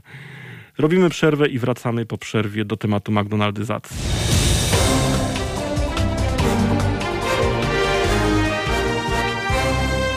Halo Radio. No i właśnie, proszę Państwa, przed chwilą mieliśmy przykład McDonaldyzacji, która wtargnęła do naszej rozmowy i rozproszyła, można powiedzieć, tą rozmowę. Mm, e, ale już teraz powracamy do głównego tematu i nie będzie żadnych zboczeń. Oczywiście dla mnie tego czasu y, pozostało za mało, żeby wyjaśnić w całości McDonaldyzację, no ale postaram się w jakiś syntetyczny, uproszczony bardzo sposób ten temat tutaj y, z Państwem omówić. A więc no, powiedziałem o kilku rzeczach w polityce, jak, jak, jak powiedzmy sobie y, takie wrażenie wysokiej frekwencji, czy takiego ilościowego wyboru może tak naprawdę być McDonaldyzacją i nie wpływać na dobrą jakość życia publicznego, dobrą jakość rządów, dobrą jakość polityki, bo y, to, czym między innymi jednym z takich parametrów, po którym rozpoznaje się McDonaldyzację, to jest promowanie, kreowanie parametrów ilościowych, czynników ilościowych kosztem jakościowych. Jakość się nie liczy. Najważniejsza jest ilość, szybkość, efektywność, skuteczność i tak dalej. To jest właśnie McDonaldyzacja. Ale teraz, bo chodzi o to, żeby głębiej to chwycić, proszę Państwa. I teraz, e, jak ten proces można tak naprawdę scharakteryzować i opisać? Wchodzimy już głęboko w tym momencie. Otóż ci, którzy słuchają mojej audycji non-stop, wiedzą, że tydzień temu rozmawialiśmy, rozmawialiśmy o sekularyzacji i o religii. I tam pojawiła się taka teza, że samo usunięcie czy wyrzucenie Boga z głowy, z naszego życia nie wystarczy, gdyż jesteśmy, nasza struktura naszego mózgu jest taka, że dążymy zawsze do absolutu, poszukujemy jakiegoś absolutu, jakiegoś bóstwa i myślimy w sposób metafizyczny. Odczuwamy potrzebę przeżyć metafizycznych, czy pewnych podmiotów metafizycznych. Do takiej konkluzji doszliśmy, doszliśmy ostatnio podczas poprzedniej audycji, że zresztą tak to opisywał też Fryderyk Nietzsche, że nawet kiedy usuniemy Boga z naszego życia, z naszej głowy, to skłonność do myślenia, postępowania metafizycznego, religijnego pozostanie. I McDonaldyzacja jest właśnie takim procesem, który zastępuje religię, a z drugiej strony zadość uczynia naszej potrzebie metafizycznych przeżyć i metafizycznego życia. To, co próbuje religia, i często ludzie ulegają temu skojarzeniu, temu pozorowi, to jest potrzeba bezpieczeństwa. Religia daje pozorną potrzebę bezpieczeństwa. McDonaldyzacja również daje pozorną potrzebę bezpieczeństwa. Religia daje inną, zaspokaja, próbuje zaspokoić inną potrzebę porządku i daje pozorne poczucie porządku. McDonaldyzacja również daje pozorne poczucie porządku. Otóż, jak popatrzymy na McDonaldyzację, to ją można sprowadzić do trzech takich pozorów. Po pierwsze, pozorna wolność. McDonaldyzacja daje nam poczucie wolności, wolności wyboru, ale jest to mm, poczucie zupełnie pozorne. Po drugie, McDonaldyzacja daje nam ułudę bezpieczeństwa. Łudzimy się, że znajdujemy się w bezpiecznym systemie. To są pozory. Nam się tylko tak wydaje, że żyjemy bezpiecznych warunkach, bezpiecznych ramach, bezpiecznym systemie. Jest zupełnie inaczej. Zaraz o tym powiem. McDonaldyzacja daje nam, i to jest jedna z najważniejszych cech, poczucie racjonalizacji, że nasze życie, nasze działania, nasze postępowanie jest racjonalne. Są to pozory. McDonaldyzacja nie jest racjonalna.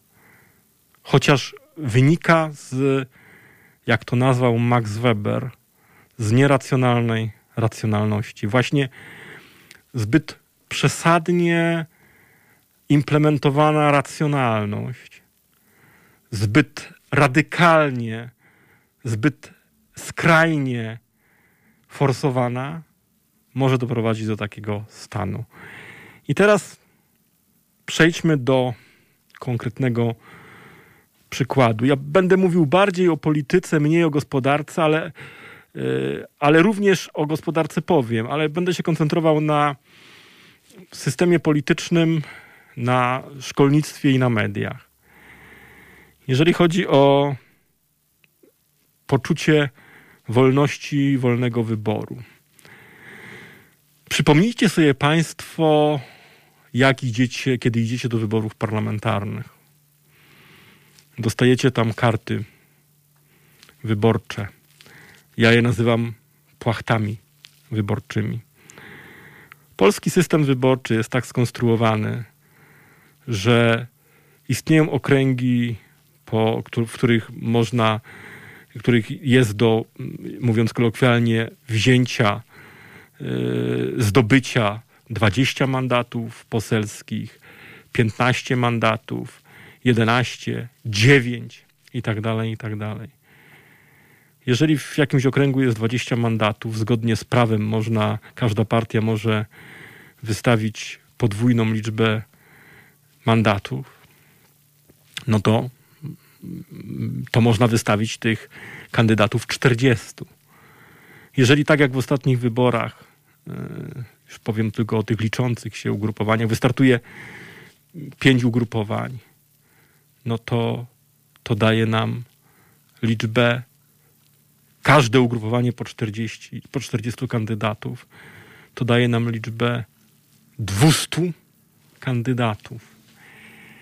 Czy jesteśmy w stanie w takich warunkach dokonać racjonalnego wyboru? Czy jesteśmy w stanie przeanalizować wszystkie te kandydatury, ich biografie, życiorysy, kwalifikacje merytoryczne, moralne? Czy jesteśmy w stanie wziąć te wszystkie czynniki pod uwagę? Oczywiście, że nie. Tak, tu, tu już widzimy, że nasz wybór nie jest głęboki.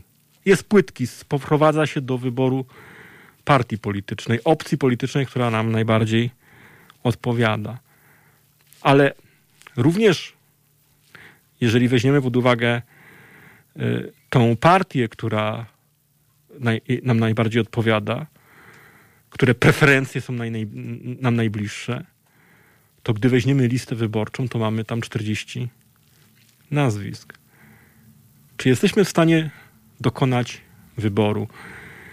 Egzystencjaliści, oceniając współczesność, zadają pytanie, czy mamy do czynienia z wolnością, czy z obłąkaniem, czy mamy do czynienia z zatraceniem. Wolność jest wtedy, kiedy możemy dobrze rozróżnić alternatywy, kiedy możemy dobrze zdefiniować wybór, jaki posiadamy, kiedy wiemy, pomiędzy czym wybieramy. Patrząc na tą listę z 40 nazwiskami, nie jesteśmy w stanie dokonać wyboru. I wtedy zaczyna działać schemat. Jedynym racjonalnym wyjściem wydaje nam się zagłosowanie na pierwszego. Głosujemy na pierwszego, bo wydaje nam się, że skoro jest pierwszy, to jest najlepszy, że partia go tam umieściła. To jest najprostsze, to jest najłatwiejsze zagłosować na pierwszego. W taki sposób dochodzi do zmagdonaldyzowanych wyborów. Kiedy dzisiaj eksperci analizują poszczególne kadencje parlamentu, to okazuje się, że z kadencji na kadencję jakość parlamentaryzmu jest gorsza i jakość posłów, jakość parlamentarzystów się obniża. To właśnie stąd się między innymi wbierze, że wybór jest zmagdonaldyzowany. Do czego taki zmagdonaldyzowany wybór może mm, prowadzić? Otóż do pewnych paradoksów. Ja kiedyś zauważyłem już, mówiłem kiedyś o tym, była taka audycja w telewizji Polsat i tam byłem gościem kilka lat temu. I w rozmowie z dziennikarką Polsatu powiedziałem, że w Polsce jest system, w ramach którego można sobie wyobrazić teoretyczną sytuację, że na pierwszym miejscu jednej z dwóch największych partii umieści się osobę, która nie istnieje i ona zostanie wybrana do parlamentu. Bo tak zadziała system.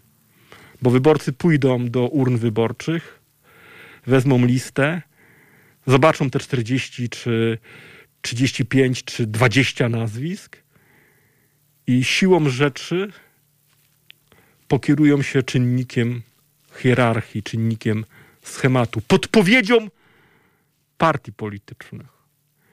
Zagłosują na pierwszego, ewentualnie drugiego. I to spowoduje, że osoba, która nie istnieje, może zostać wybrana. Teoretycznie taka możliwość istnieje.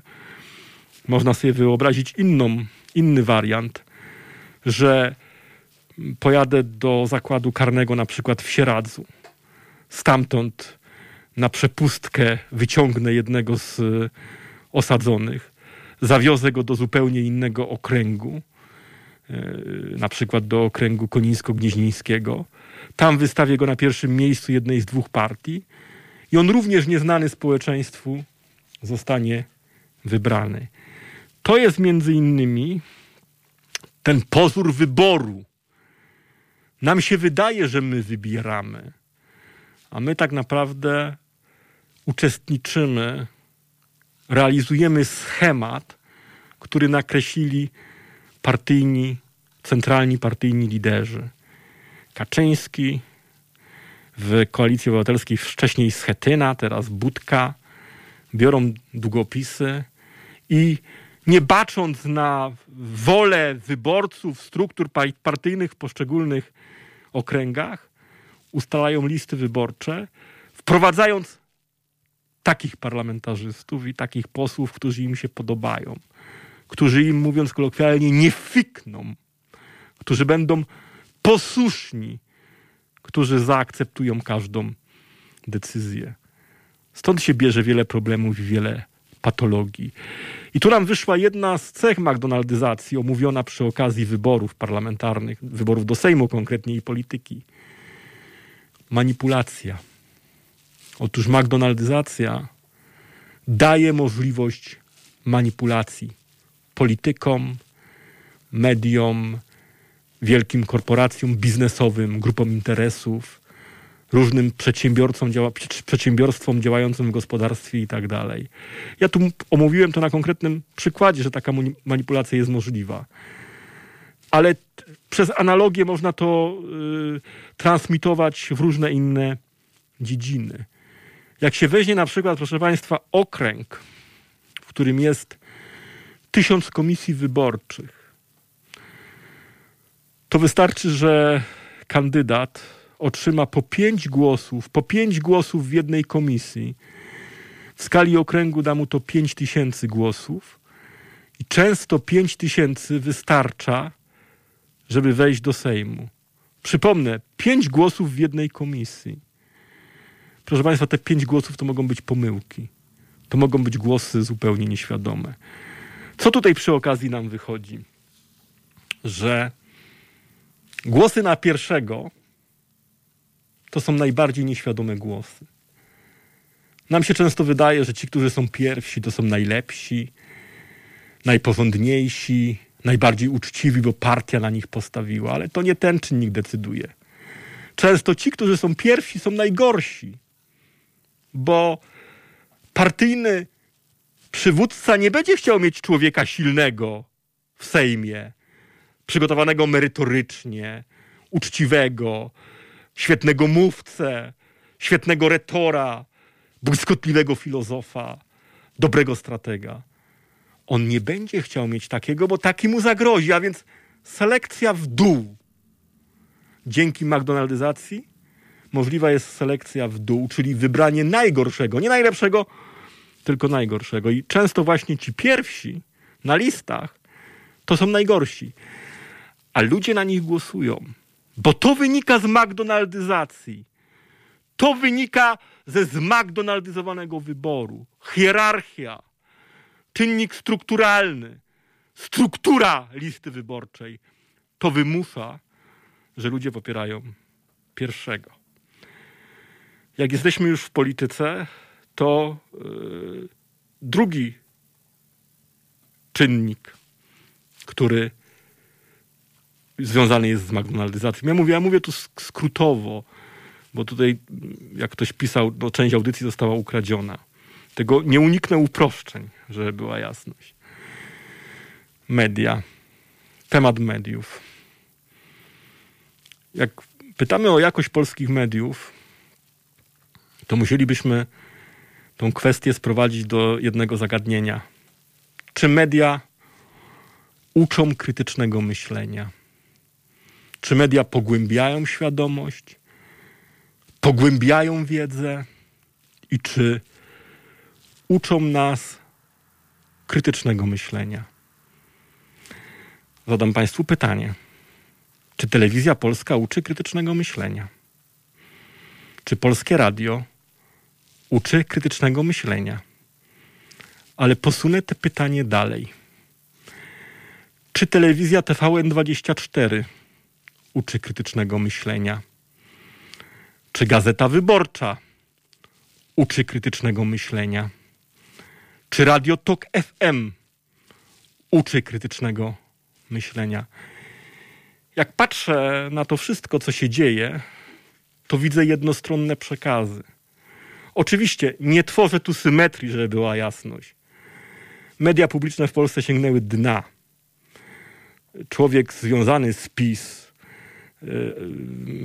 właściciel jednego z wydawnictw, e, bardzo mocno związanego z PiS, powiedział mi kiedyś, że telewizja publiczna zachowuje się tak, jak gangsterzy z pałką baseballową. Przekaz telewizji polskiej jest wulgarny i ordynarny. I powiedziałem, media publiczne sięgnęły dna. Natomiast jeżeli chodzi o sposób manipulowania, to mamy go po, każdych, po każdej ze stron.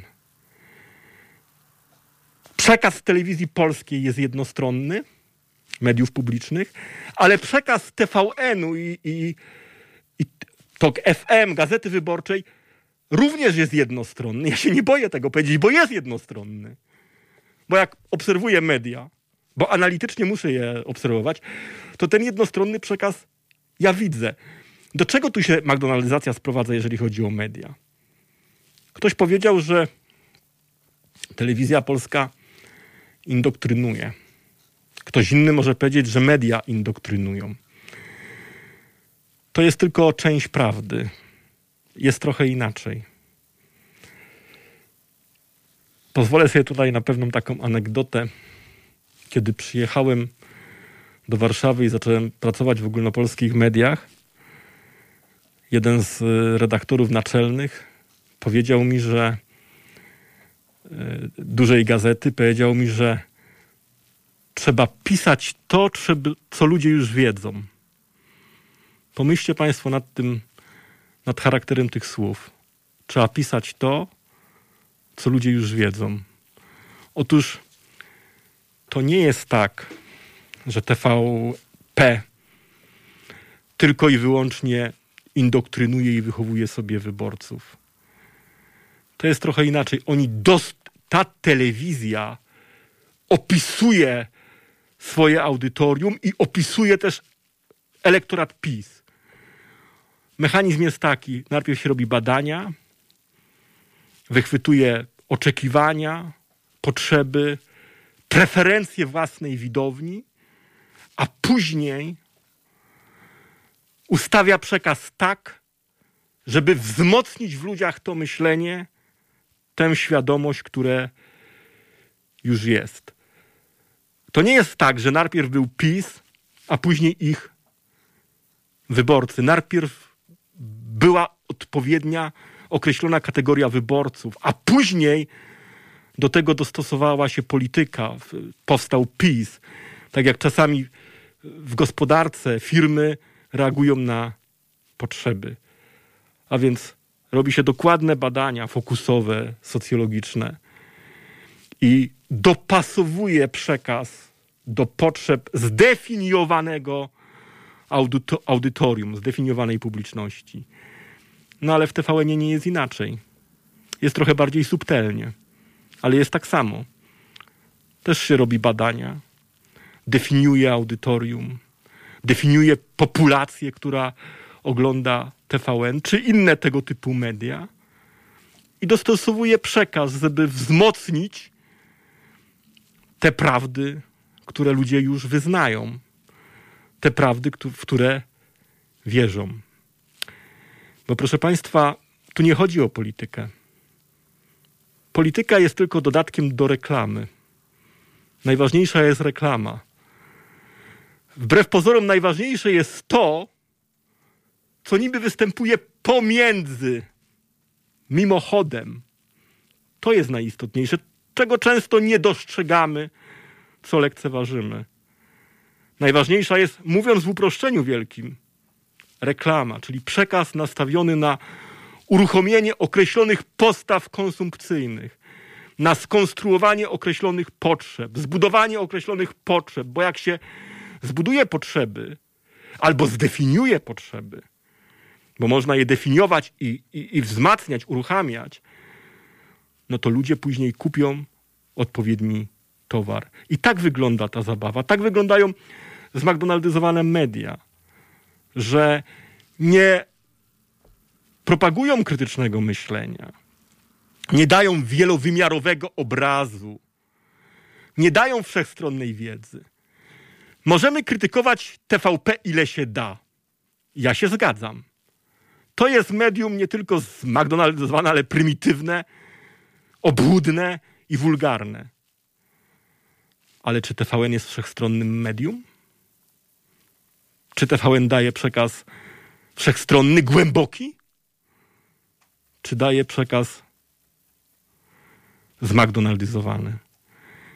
Kiedy rozmawiam z ludźmi, którzy oglądają telewizję TVN, ale też Radio TOG FM, Gazetę Wyborczą, to niestety widzę wpływ tej McDonaldyzacji w powierzchowności diagnoz, w płytkości postrzegania świata. To widać. Ja to bardzo ostro na, na polskich przykładach pokazałem, ale oczywiście McDonaldyzacja wiąże się również z tym, że w pogoni za informacją, kiedy liczy się ilość, nie jakość, tylko ilość, kiedy liczy się szybkość, kiedy liczy się to, kto będzie pierwszy, no to siłą rzeczy jakość tych informacji musi być gorsza, słabsza. Media społecznościowe wprowadzają wiele złych rzeczy, bo sprzyjają właśnie. Twitter żąda, żeby zmieścić się tam chyba w 200 iluś znakach. Nie da się zrobić analizy i przekazać treści tylko w tak małej ilości znaków. Nie da się przekazać dobrej, solidnej informacji. Facebook również sprzyja uproszczeniom. Jeżeli ktoś coś obszernie napisze, ludzie tego nie przeczytają. Poza tym polubienia, udostępnienia, potrzeba udostępnień wymuszają, żeby iść za konformizmem, żeby kierować się syndromem myślenia grupowego. To wszystko są bardzo niebezpieczne procesy, które prowadzą do nieszczęścia. Przekaz mediów społecznościowych jest coraz bardziej płytki, powierzchowny, wulgarny. Cechę, którą ja wyróżniłem w McDonaldyzacji, to jest między innymi spłycenie. Można różne cechy wymienić. Kalkulacyjność, kwantyfikalność, racjonalizacja, efektywność, manipulacje. Ale tak naprawdę tą taką najważniejszą cechą jest spłycenie. Tak więc inny przypadek. Wyższe uczelnie. Mamy coraz więcej studentów. Kiedyś na studiach studiowały tysiące, dzisiaj mamy setki, setki tysięcy. Czyli o dwa rzędy w górę. Tylko pytanie, czy to nam w sposób autentyczny, realny zwiększa poziom polskiego wykształcenia? Czy mamy coraz lepiej wykształconych ludzi? Ja mam wrażenie, i pisałem o tym w swoich książkach, że nie. Że zwiększenie dostępu do szkolnictwa wyższego i podniesienie ilości ludzi wykształconych, czyli czynnik ilościowy, wcale nie powoduje zwiększenia się, polepszenia się polskiego wykształcenia i pogłębienia świadomości. Jest dokładnie odwrotnie. Zawsze jak zwiększamy, jest w fizyce, takie, w fizyce jest takie prawo masa ciąży w dół. Czyli jak zwiększymy liczbę osób studi- studiujących, to średnia nam siłą rzeczy spadnie. Dzisiaj wykształcenie wyższe staje się wykształceniem podstawowym. Tak je można określić. To też stwarza mm, możliwość manipulacji. Dlatego tu była mowa o najbiedniejszych i najbogatszych. Nie wiem, czy Państwo sobie zdają sprawę, że takim mm, mechanizmem, który pozwala stygmatyzować, jest upowszechnienie, umasowienie. Kiedy coś staje się masowe, to można to oznaczyć, można to stygmatyzować. I kiedy wyśle się już prawie niedługo na wyższe uczelnie wszystkich i wszyscy będą studiować, to wtedy ci, którzy mają najlepszą sytuację materialną, są najbogatsi, będą mogli wysłać swoje dzieci na niezmagdonaldyzowane zachodnie, zagraniczne uniwersytety i powrócą tutaj z lepszymi dyplomami, lepszymi kwalifikacjami i w ten sposób budują granice. Będą mogli powiedzieć: My mamy lepsze kwalifikacje, my jesteśmy lepsi, my zasługujemy na lepsze stanowiska. Tak się często dzieje. To nie jest jednoznaczne, że bezmyślna edukacja musi prowadzić do zwiększenia świadomości, do likwidowania nierówności społecznych. Pierre Bourdieu twierdził, że edukacja utrwala nierówności społeczne, a nie likwiduje ich. Nie zawsze tak jest, ale czasami tak jest. Georg Simmel mm, kiedyś opisał takie prawo, jak się rozpowszechnia moda. Opisał to jako proces właśnie budowania takich granic i dystansów pomiędzy elitami i resztą społeczeństwa. Moda jest najpierw awangardowa na poziomie małych grup. Później się ją upowszechnia. Kiedy się ją upowszechnia, to można ją stygmatyzować, a te małe grupy już wtedy gonią za innymi modnymi towarami. To jest pewien mechanizm, ale tak między innymi wygląda szkolnictwo zmagdonaldyzowane w Polsce. Upowszechnienie szkolnictwa obniżyło świadomość i zredukowało również jakość ludzi wykształconych. Niejednokrotnie pamiętam jeszcze, jak byłem, bywałem u Beaty Kawki, po, pojawiała się taka teza, że edukacja, edukacja, edukacja. To wcale tak nie musi wyglądać. I wcale upowszechnienie edukacji, szkolnictwa wyższego nie musi prowadzić do większej świadomości i do zbudowania lepszej jakości obywateli. Bo to jest pytanie, jaka edukacja, jakie szkolnictwo. Czy to będzie dobre szkolnictwo, czy to będzie szkolnictwo zmcdonaldyzowane. Zbliżamy się do końca, tak więc jeszcze dotknę tylko pewnych spraw. Mówi się, że McDonaldyzacja, tak jak powiedziałem, tworzy pozory bezpieczeństwa. To nie jest prawda. Tak naprawdę McDonaldyzacja uczy nas rutyny, schematyzmu. Max Weber posługiwał się przykładem żelaznej klatki kapitalizmu, która zamyka, która ogranicza społeczeństwo. Nie jesteśmy w stanie wyjść poza schemat. Nie jesteśmy w stanie wyjść poza rutynę. A rutynowe postępowanie często prowadzi do katastrofy. Jest dobre w odpowiedzi na okoliczności i wydarzenia, które znamy.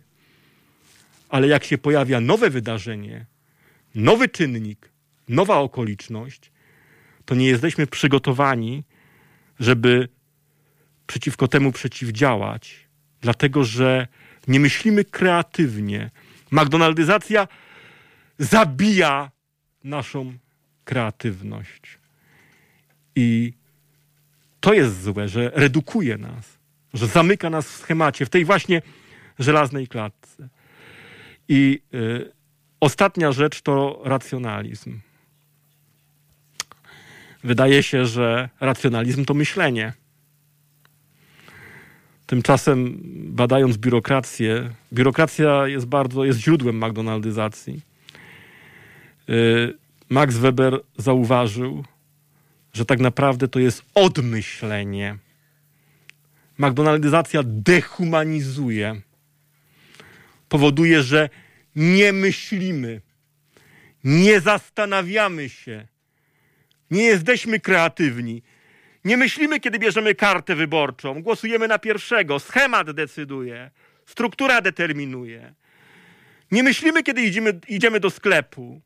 Zachowujemy się według schematu. Tak jak na nas oddziaływują. Tak jakie impulsy nam podają. Zachowujemy się w sposób przewidywalny. A jak coś jest przewidywalne, to można tym manipulować. Dlatego też McDonaldyzacja jest jednym wielkim pozorem. Bardzo Państwa przepraszam, bo już czas się kończy i nie udało się przeanalizować tego tematu szeroko i głęboko. I myślę, że do tematu powrócimy jeszcze. Kiedyś go zrobimy od początku do końca i nie pozwolimy na to, żeby odbiegać od tematu, bo to jednak psuje jakość dyskusji, merytorycznej dyskusji. I bardzo Państwu bardzo Państwa za to przepraszam.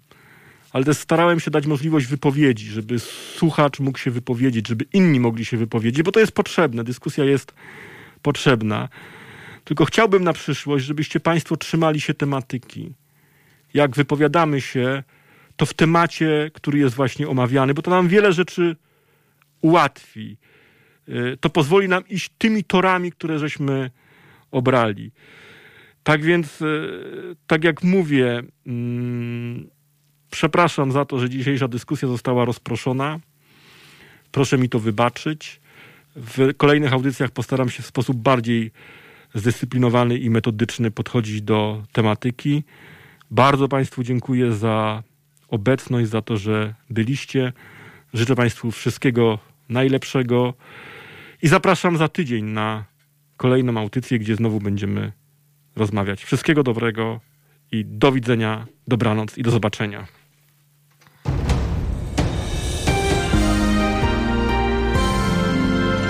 Jutro. Od 21 do 23 telefony od państwa odbiera dr Tomasz Kowalczuk, politolog i filozof.